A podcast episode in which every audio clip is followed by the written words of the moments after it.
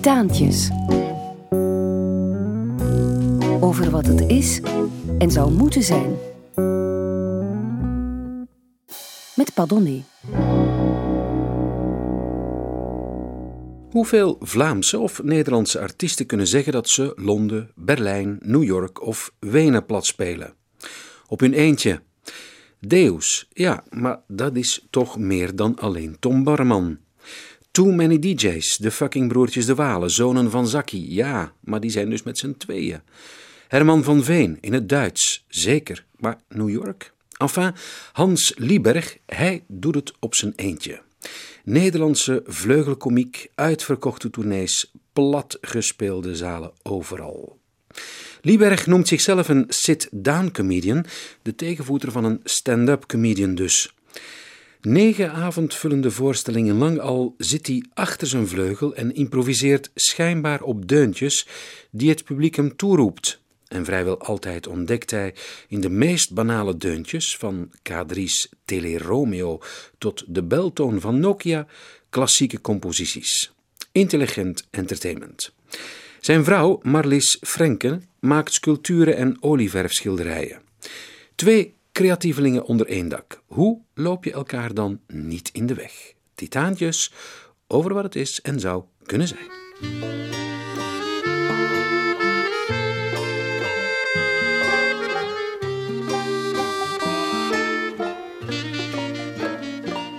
Lieve Hans, wat leuk om je nu na jaren nog eens een brief te schrijven.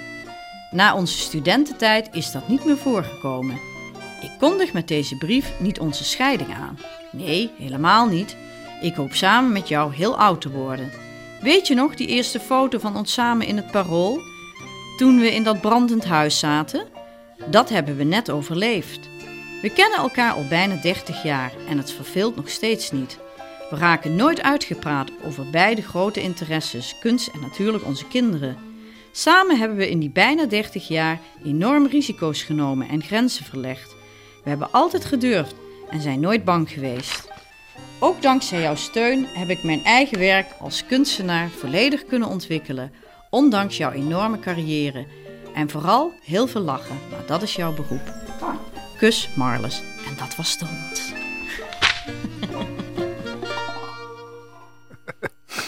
Gans Lieberg. Hi. Dat is jouw uh, vrouw? Dat is mijn vrouw nog steeds, ja, zelfs na deze band. ja, toch? Verrassing, ja, wat leuk. Zeg, hoe zit dat met, met een kunstenares of een artiest? Twee artiesten die samenwonen onder één dak. Al 30 jaar. Ja, zo is het niet begonnen natuurlijk. Toen wij elkaar leerden kennen, waar, was ik geen artiest. Ja, ik was het misschien wel, maar ik nog niet echt bewust. En toen was ik 23 en, of 24. Mijn vrouw Marlis was, was 23 en die zat ja, op de kunstacademie. Uh, dus het was, zij was de kunstenares en ik was nog niet echt bezig in die business. Ik was wel muzikant en ik uh, deed allerlei dingen in de muziekrichting, maar uh, deed niet wat ik nu deed. Dus we wisten niet dat dat zo hectisch zou kunnen worden met twee van die, van die carrières naast elkaar. En loop je elkaar nooit in de weg? Ik bedoel, dat het huis een beetje te klein wordt. We zijn steeds groter gaan wonen.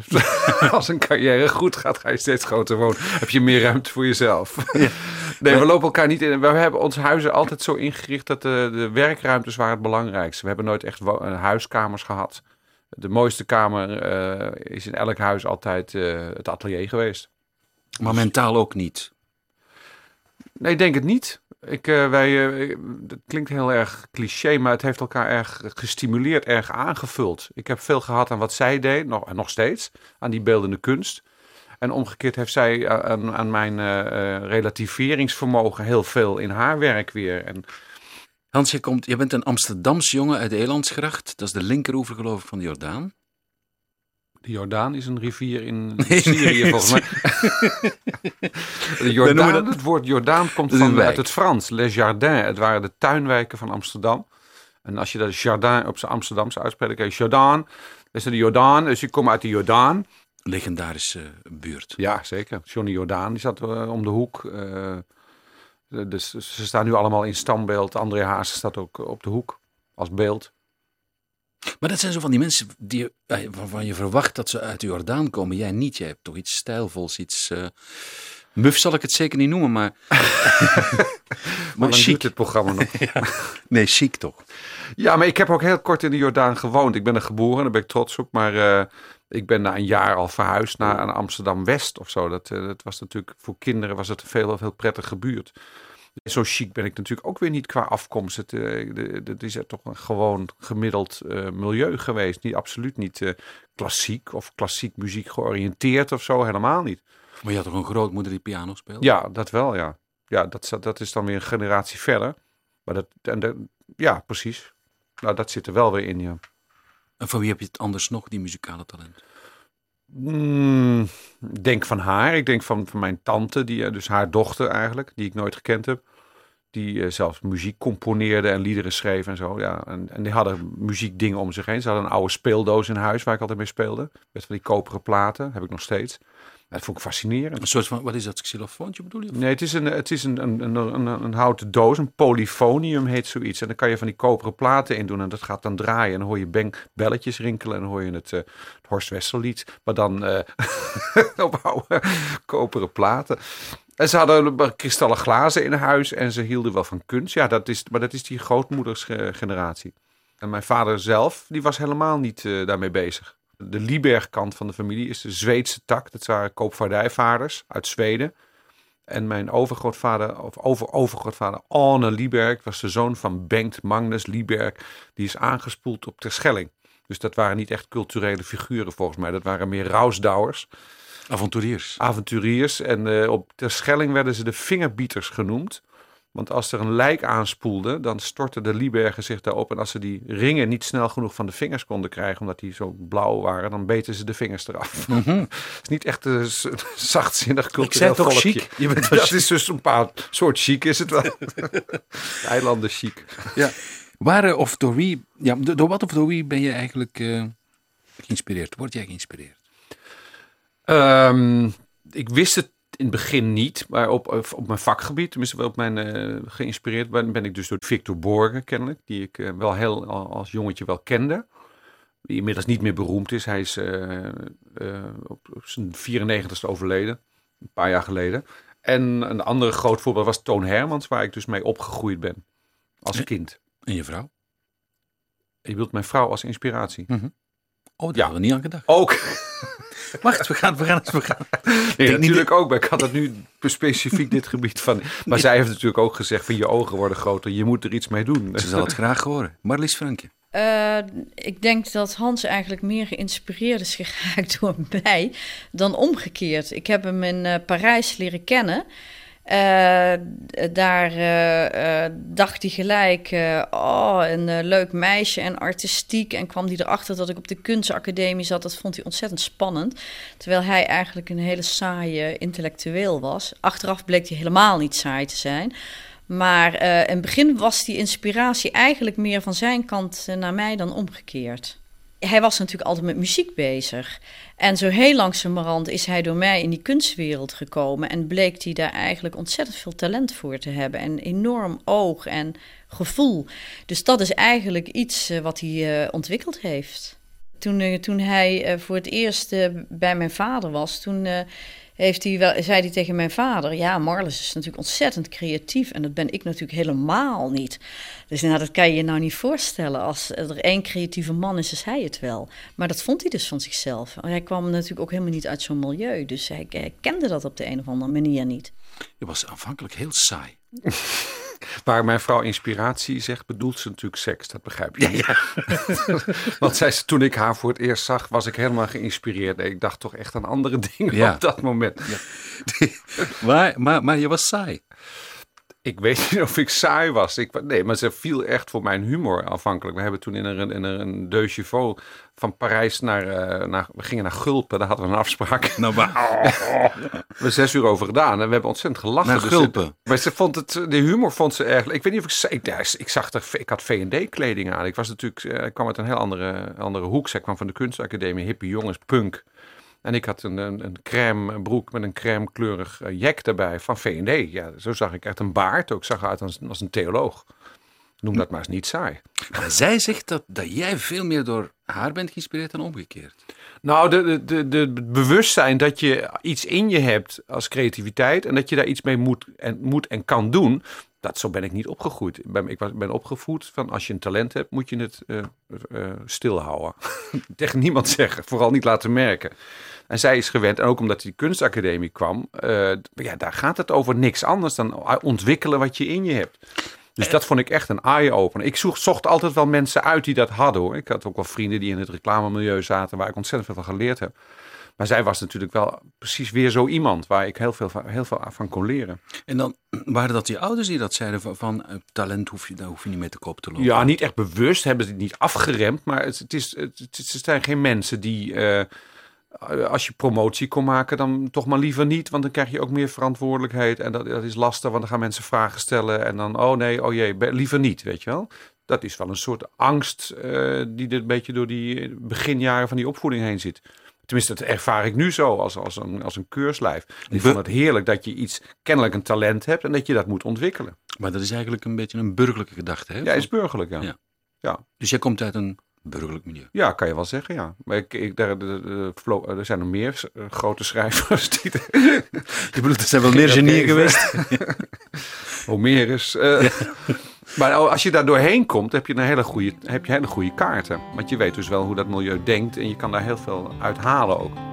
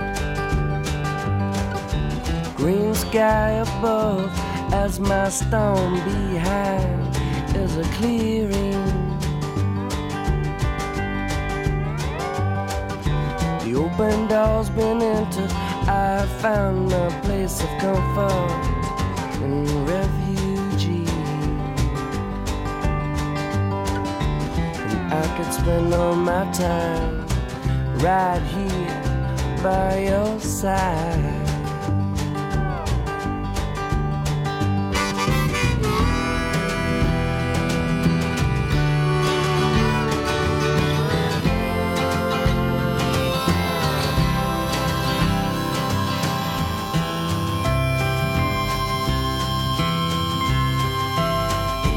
Purple Valley, all covered in four leaf clover.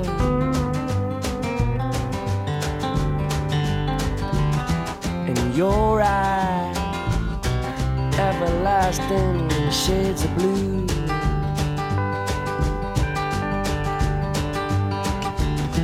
I'd share with you the smells, sights, and sounds of the springtime.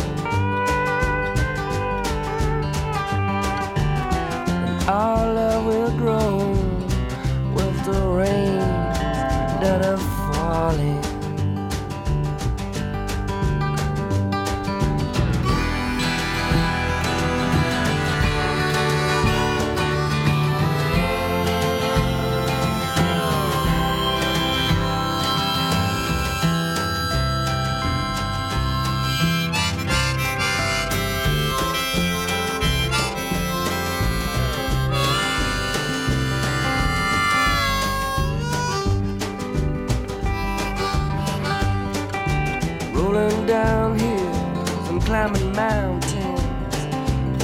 so no shit.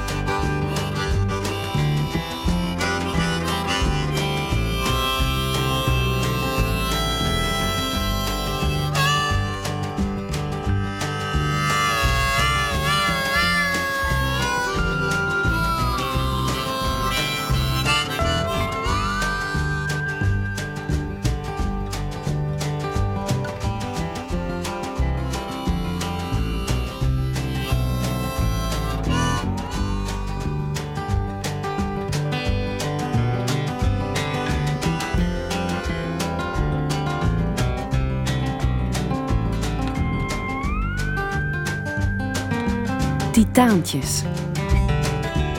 Over wat het is en zou moeten zijn. Met Padonné. Hans Lieberg, muzikale, eh, hoe noem ik jou? eh, oh nee, hoe noem, hoe noem jij jezelf? eh, sit-down comedian, hè?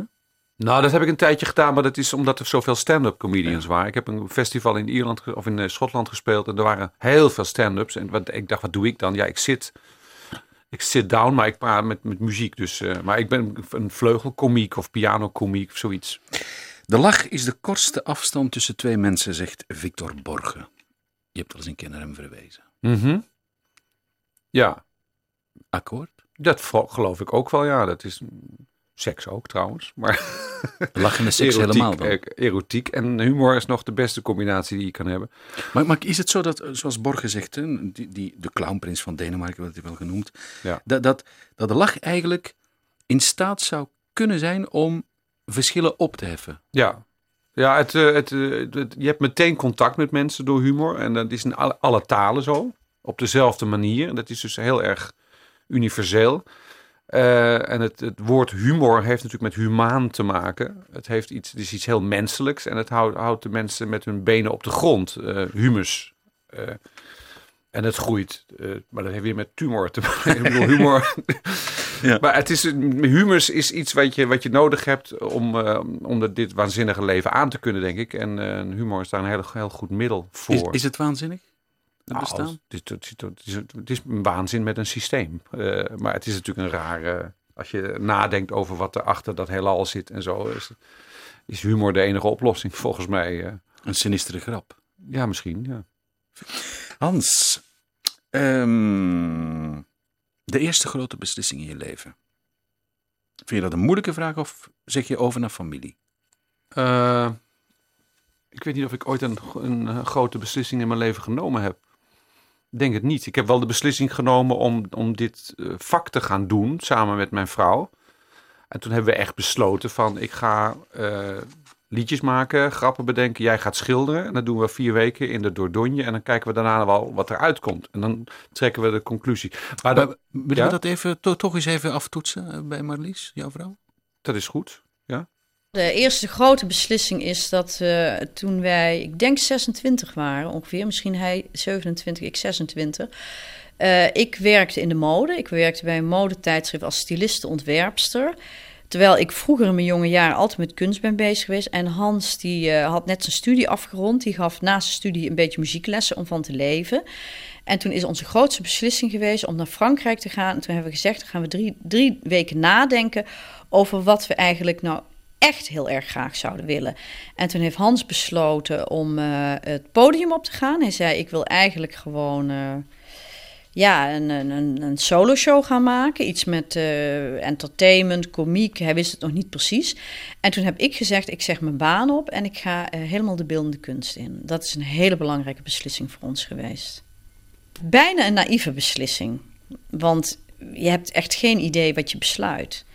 Maar dit wilden we zo ontzettend graag. En als je dan bedenkt dat Hans inderdaad eh, zijn eerste optredentje deed voor eh 45 mensen of zo. En eh, dat was echt helemaal niks. En bij, bij één geschaapt eh, eh, half uurtje met een enorme nervositeit. En, en ja, ik eigenlijk best een hele goede baan opzij om helemaal ja, de kunst in te gaan en bij van die avant-gardistische galerietjes te beginnen. Ja, iedereen om ons heen eh, die zei: jullie zijn gek. Maar goed, we hebben het toch gedaan. Hans, die drie of vier weken, nagelang de versie in Frankrijk, zijn die echt zo belangrijk geweest? Kennelijk wel voor jullie. Nou, het was wel voor mij eh, iets wat ik nog nooit gedaan had. Zo kiezen voor wat je eh, denkt dat je wil gaan doen. Waar je eigenlijk altijd van gedroomd hebt. Maar dat je dan waarschijnlijk ook niet durfde of zo. En, ehm, En waarom durf je dat dan wel na die drie weken?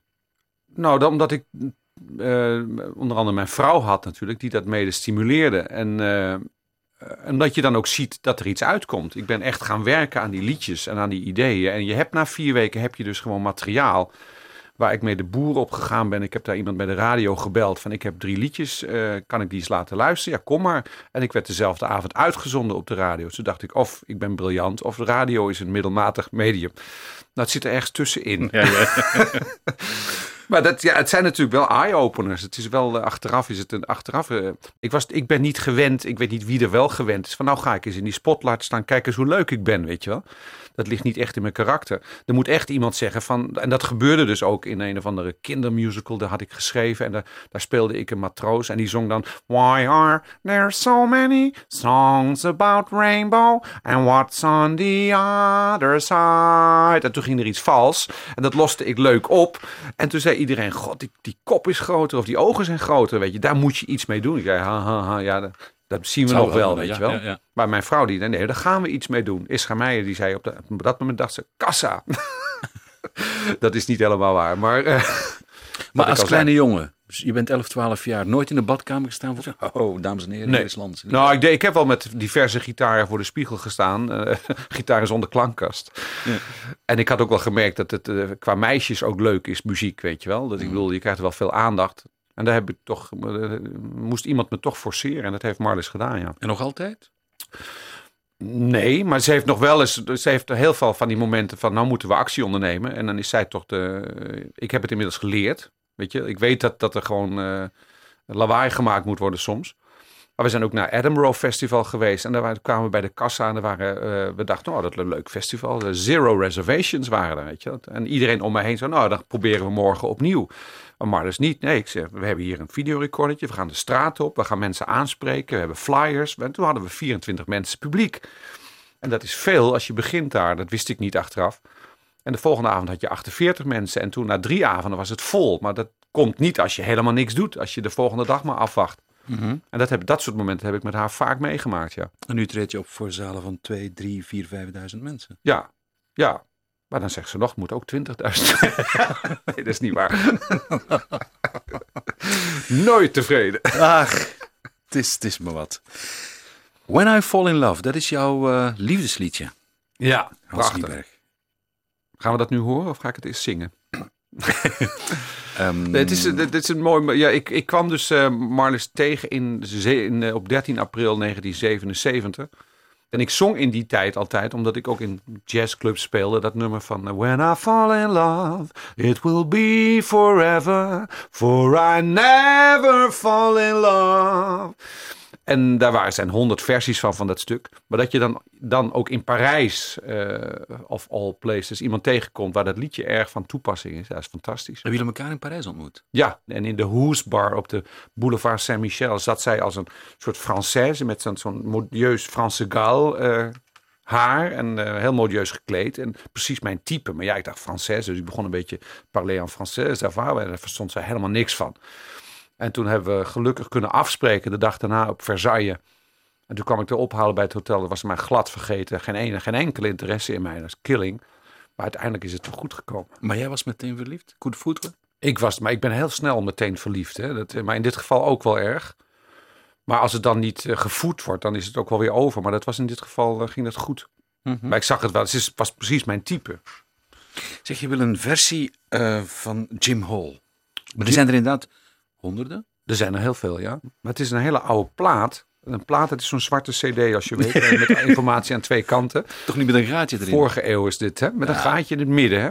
Nee, dat geloof ik. En, eh, en de, de geluiden die heb ik daar digitaal aan toegevoegd. Die krakende geluiden, want ik vind dat dit moet iets met kampvuur te maken hebben. Dus eh, wat je hoort is de versie van Jim Hall, wat mijn eh, destijds al mijn favoriete jazzgitarist was, omdat hij heel weinig speelt. Heel cool, heel eh onderkoeld ook. En hij doet, laat het zingen door June Hall, dat is zijn vrouw. En die zingt, die kan dus niet zingen. Zingt het een beetje vals. When I fall in love, zoiets is. Maar het is wel, ik vind het de meest ontroerende versie die ik ken. Waarom? Ja, daar, omdat dat huiselijke, het is bij hun thuis in de keuken waarschijnlijk opgenomen. En het is heel intiem en eh, er straalt heel veel liefde van die mensen uit, eh, ja, naar elkaar. Dat, ik voel dat. Het is waarschijnlijk helemaal niet zo, want ze hebben waarschijnlijk misschien wel de kop ingeslagen. Maar op dat moment was het allemaal goed.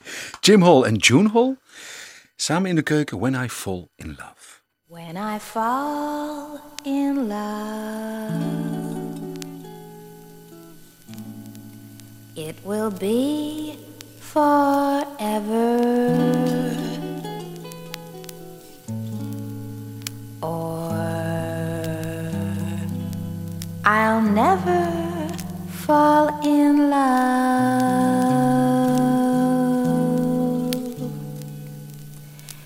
In a restless world like this is, love is ended before it's begun. And too many moonlight kisses seem to cool in the warmth of the sun. When I give my heart, it will be completely or I'll never give my heart. And the moment I can feel that you feel that way too is when I'll fall in love with you.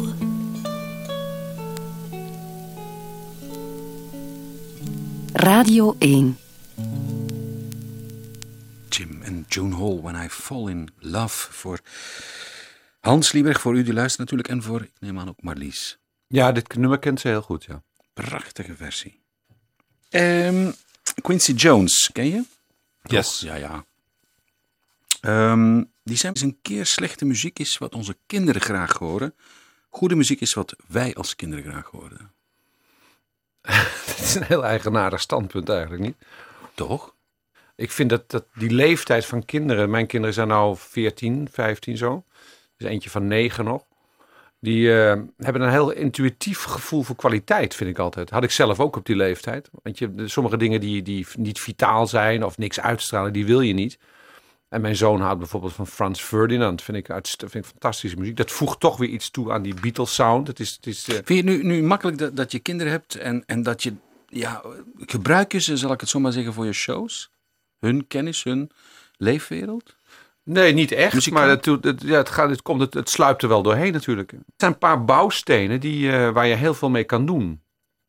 En er zijn nog heel veel stijlen die ik niet... eh, met, met de jazzmuziek kan je nog veel muziek. Je kan allerlei kanten nog met die dingen, zelfde dingen weer uiten.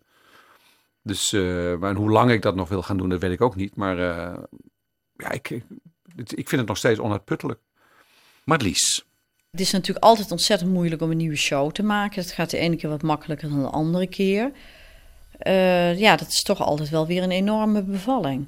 En daarbij is ieder optreden een bevalling. Hij is altijd erg nerveus voor een optreden. Eh, eh, buitenstaanders merken dat niet zo heel snel. Dat begint al om vier uur 's middags hier thuis. Dat hij eh, ja, niet meer zo aanspreekbaar is, een beetje chagrijnig wordt. En ja, het is, toch, ja, het is toch een heel ander beroep dan veel andere beroepen. Het gaat toch wel met veel spanningen gepaard. Het gaat nooit vanzelf. Het is altijd weer opladen en dat zegt hij ook wel. Oh, die nervositeit. Blijkbaar een natuurlijk gevoel wat je nodig hebt om dat te kunnen. Dat, ik denk dat het er gewoon bij hoort. En het schijnt moeilijker te worden naarmate je ouder wordt. En dat hij ook altijd zegt dat hij er geen zin in heeft. Terwijl als dan op dat moment eh, bijvoorbeeld een theaterdirecteur zijn kleedkamer komt binnengestapt, dan schakelt hij gelijk. Zo iemand merkt daar dan niks van. Dan zet hij hem gelijk, eh, ja, dan draait hij gelijk de knop om. En dan speelt hij het spelletje mee en dan, dan als het, eh, ja, maar die zenuwen die blijven. Het, het lijkt me een prachtig beroep, het lijkt me geweldig. Maar het is denk ik, ja, dat uiterste. Hans die zegt wel eens, ik begrijp wel dat eh, veel van die artiesten cocaïne gebruiken. Dat ze dat eh, gewoon nodig hebben. Dat gelukkig doet hij dat niet, maar eh, ja, ik, ik, ik, ik zal dat nooit kunnen voelen. Dat is iets wat ik niet met hem kan delen. Ik weet het niet. leuke vrouw Ja. heb je. Ja, het is, kijk, die titel ging dan misschien mak, maar het is, wat ze zegt is wel waar. Het is, eh, het is een soort spanning die erbij hoort. En ik dacht, als je dan veel ervaring hebt en je bent wat ouder, want ik doe het nou bijna 25 jaar, dan zal het wel overgaan. Maar dat is dus niet zo. Het wordt alleen maar erger. Maar dan word je chagrijnig ook, zegt ze. Ja, ik word zaggerijnig. Ja, dat is, ik, ehm, ik, dat van waarom ik, dat hele gevoel heb ik heel vaak. Waarom ik? Dat kan, iemand anders kan het toch ook doen? En dan komt zo'n theaterdirecteur de kleedkamer binnen. En tegenwoordig ben ik wel zo eerlijk van, als ze dan vragen, heb je er zin in? Ik zeg, nou, ik heb absoluut geen zin in, maar dat heeft met de kwaliteit van de show niks te maken, weet je wel. Maar is dat ook zo? Ja, volgens mij is dat zo. Ik kan heb maar, je echt dan geen zin om op te komen? nou, het is iets, iets chemisch. Eh, Ik weet wel van de pianist Arthur Rubinstein. Die viel bijna in slaap voor een concert. Die zat dan in zo'n stoel en dan kreeg hij die reactie. Want het, het heeft toch met adrenaline en verbranding te maken. Die heel anders verloopt op dat moment. En die viel in slaap praktisch. En dat heb ik ook wel een beetje. Dan ga ik echt zo zitten en dan, dan zie je jezelf daar zitten in die kleedkamer. En waarom ik dan, weet je wel? En laat ik me blijven liggen gewoon. Maar eh, je weet ook wel dat het erover gaat, zo gauw je er staat. En eh, het is ook om, als je met mensen praat die eromheen eh, lopen, wordt het ook wel iets minder, dat gevoel. Maar, het wordt niet, meer, nog niet minder naarmate je meer ervaring hebt. Het blijft zo. Maar je, je, je zo'n 200 concerten per jaar. Ja. Is dat dan 200 keer een beetje sterven? 200 keer Ja. toch niet willen op? Dat- Jacques Brel heeft dat wel eens gezegd. Ja. Dat doet elke keer, elke keer eh, ben ik bang. Nou voel ik dat niet zo sterk als hij dat voelt. Ik weet niet hoe hij dat voelde natuurlijk. Maar hij zei, ik, eh, ik peur. Hij, had, hij was dus altijd bang. En hij eh, is 1500 keer of meer bang geweest. Maar hij had dan wel de behoefte om daar overheen te gaan. En dat vond hij dan een soort, soort summum van moed. Ik ben dus, of van mannelijkheid. Ik ben dus wel elke keer weer er doorheen gegaan. En dat is eigenlijk de, de ware krijger. Mhm. Je doet het toch? Ik, ik, ik heb het toch nooit afgezegd. Er zijn, er zijn wel eens kleedkamers die hebben dan een deur. En als je die open doet, sta je buiten. Ik ken wel, eh, ik, eh, ik weet van Hans Dorrestein bijvoorbeeld, dat hij dat één keer gedaan heeft. Er stond er een deur. Zullen we, zei hij toen tegen zijn pianist. Toen zijn ze vertrokken. we hebben nog nooit zo'n leuke avond gehad, vertelde hij. Ja. Maar dat heb ik nog nooit gedaan. Ja. Dat doe ik ook niet. Maar het is, ja, het is, het is een contrast. Het is, niet, het is niet anders. Het is volkomen gestoord, maar het, het kan niet anders. Nee. Maar het is een gestoord beroep. Wil je nooit ophouden? Nou, ik vind het, wel, ik vind het leuk om te doen. Dus eh, die, om die kicks te krijgen. eh, denk dat je dat gewoon blijft doen. Omdat je, ja, je wordt ook wel beter. Je wordt wel, wel geroutineerder in het spelen. En eh, dat, zei, wat, wat, wat, wat- dat is toch wat Picasso tegen Matisse zei. We, we hebben een mooi vak. Alleen de eerste 60 jaar zijn een beetje moeilijk om doorheen te komen. Voordat je het een, kunstenaar is. Een, een- hij is pas een Mondriaan is een Mondriaan op zijn vijftigste. Je krijgt een andere timing. Bij Victor Borgen zag ik, die heb ik ook hier in Brussel nog zien optreden toen hij 88, 89 was. Het was het trouwens niet helemaal uitverkocht. En toen kwam die op. Oh, you're all dressed in red, zei hij toen. Want alle stoelen waren rood van de eerste rij. die vond het nog steeds leuk. En het leven wat ermee samenhangt is leuk. De mensen die je ontmoet zijn leuk. Eh, het is natuurlijk een hele leuke sfeer.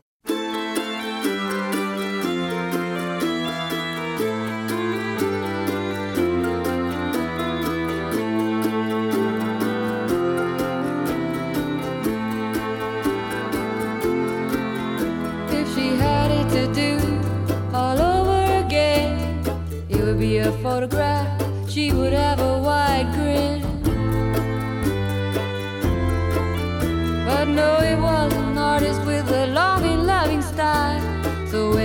when was dry, all that remained was a faint, strange smile.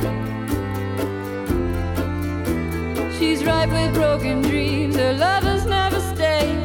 It looks like Mona Lisa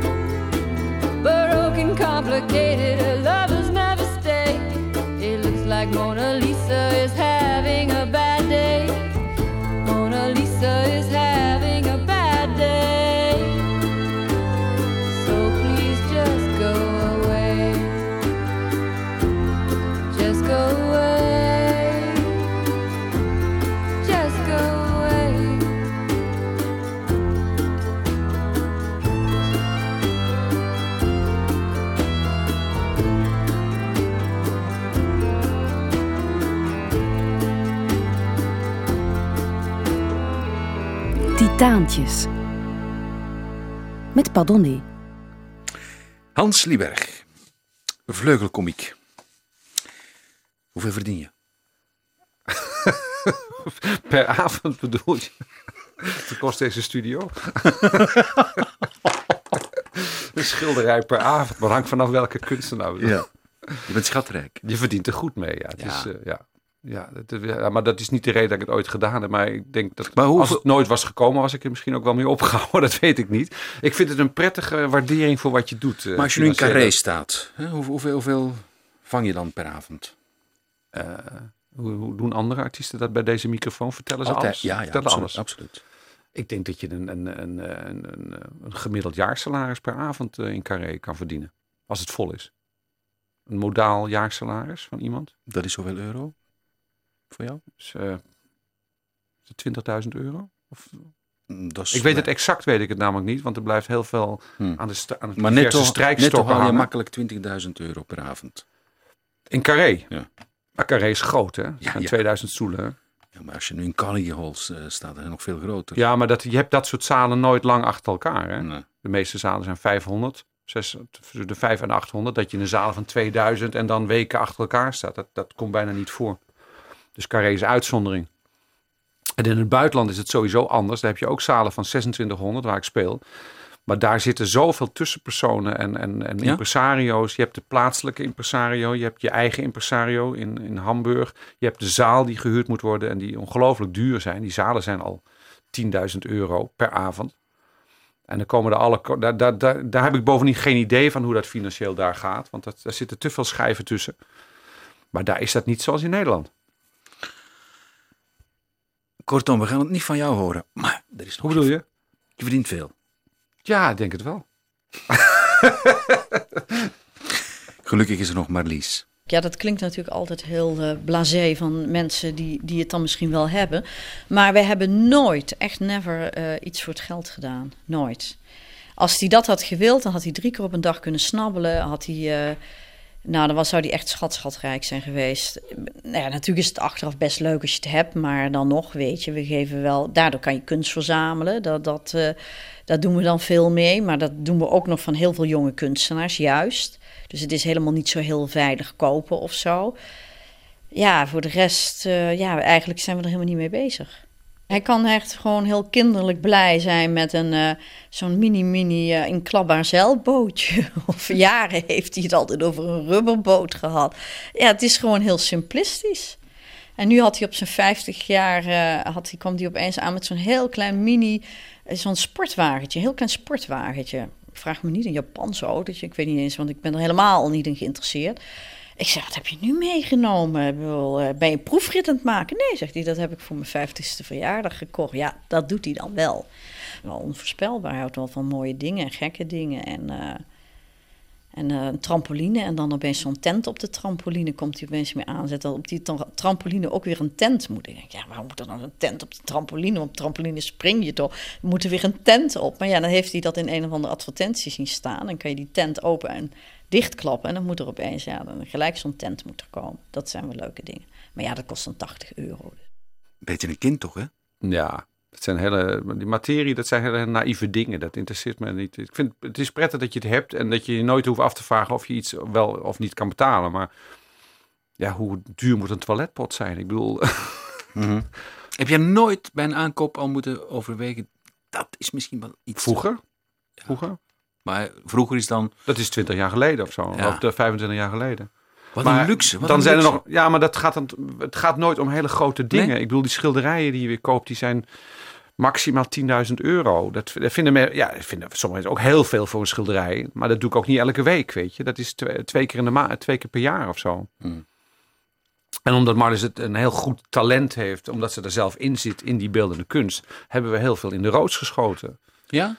Ja, er zijn. Ik, we hebben Wat heb je allemaal gekocht? zo? nou, we hebben bijvoorbeeld een eh 25 jaar, nee, 20 jaar geleden een Marlene Dumas gekocht. Oh, met, met de Rijkssubsidieregeling voor 5000 euro. Daar kan je nu toch wel een redelijk landhuis van. eh. Ja. Maar het schilderij hangt ook niet meer thuis, hangt nu in een museum. We verkopen het ook niet. Hè? Ik bedoel, waarom zou ik het verkopen? Je leent het dan uit aan een museum. Leen je dat uit, Ja. omdat ik het later wel weer terug wil hebben. Of het is voor de kinderen. Bij de kinderen begonnen op een gegeven moment om met dartpijltjes langs die schilderijen te lopen. Toen hebben we het toch maar ergens anders opgegaan.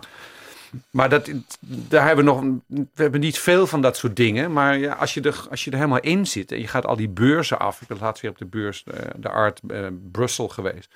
Oh ja. ja, dan kom je toch weer met een Chinese kunstenaar thuis. Eh, ah, het is toch heel boeiend. Die asiel verleent bedoel je of wat? Nee. Ook zou ik nog kunnen. Wat is jouw lijfspreuk, Hans Lieberg? Voor zover ik die heb. Want eh, als ik dit gesprek afgelopen is, heb ik natuurlijk weer een andere lijfspreuk. Maar de, een van die lijfspreuken is: de, de uitzondering maakt de regel belachelijk. Mhm. Ik bedoel, het is eigenlijk de uitzondering maakt de regel. eh, uitzondering bevestigt de regel. Maar ik, heb, ik geloof meer in uitzonderingen dan in dingen die regel zijn. En volgens mij de natuur ook. De natuur is steeds sneller gaan ontwikkelen doordat iets afweek. Ik hou erg van fouten en, en dingen die niet kloppen. Want dan ontstaat er altijd weer iets wat beter is dan wat het daarvoor was. Maar is het niet zo dat de uitzondering op den duur de regel maakt en dat er dan weer een nieuwe uitzondering komt? Ja. Is dat niet wat ik zei? Of, eh? Dan heb ik het, heb de, de uitzondering bevestigt de regel. Ja, nou ja, dan wordt er weer een nieuwe regel. Maar de uitzondering van dat moment vind ik interessanter dan de regel me af te vragen wat er allemaal al is of zo. Ja. En jij, waar zit jij? Ben jij regel of uitzondering? Ik was misschien een uitzondering, maar inmiddels ben ik mijn eigen regel geworden. En ik was ook geen uitzondering, want wat ik deed bestond er al, weet je. Eh, er is natuurlijk al heel veel. Ik geloof niet in, zo in, in, in vernieuwing en originaliteit, omdat het eh, toch heel vaak voortborduurt op wat er al is. Dat is nu net wat je eh, al 25 jaar duidelijk wil maken, hè? Ja, Jongens, nou, waar de hele schepping aan. Ja, Eh, Het is, het is, dat is misschien ook een grondmotief van mij. Ja. Het is er al, je moet het alleen zien te liggen. En dan moet je het oppakken. En dat is traditie. Traditie is iets heel eh, vruchtbaars eigenlijk. Het is absoluut niet conservatief, een traditie. en dan ga je denk ik vanzelf minder naast je schoenen van lopen. Ja, ook. Omdat je toch, eh, je wordt getoetst door die traditie. En, eh, en van god, zo origineel ben ik nou ook weer niet. Daarom vind ik iets als auteursrecht ook een, een heel raar instituut. Omdat het, ja, je claimt iets wat je eigenlijk niet kan claimen. Die melodie of dat idee bestond al ergens. Ik bedoel, de relativiteitstheorie was er ook al een paar duizend jaar. Alleen niemand zag het. Je moet er maar even opkomen. En wat ik ook, waar ik ook erg mee bezig ben, is altijd op zoek naar de verloren tijd. Zoals wat Proest ook deed. Dus eh, eh, mensen doordringen van geschiedenis. Dat je dus weer weet hoe karnemelk vroeger geproefd heeft. En hoe het werkelijk in elkaar zat. En dat is, dat is heel moeilijk. Geschiedenis is heel moeilijk. Om je voor te stellen hoe mensen 80 jaar geleden waren. En waarom ze dat en dat besloten hebben. En hoe dat geklonken heeft. Maar daar heb ik geen eh, theorie over. Dus, maar het is op zoek naar de verloren tijd. Dat heeft het mee te maken, ja. U hoorde Titaantjes. Over wat het is en zou moeten zijn. Met Padonné.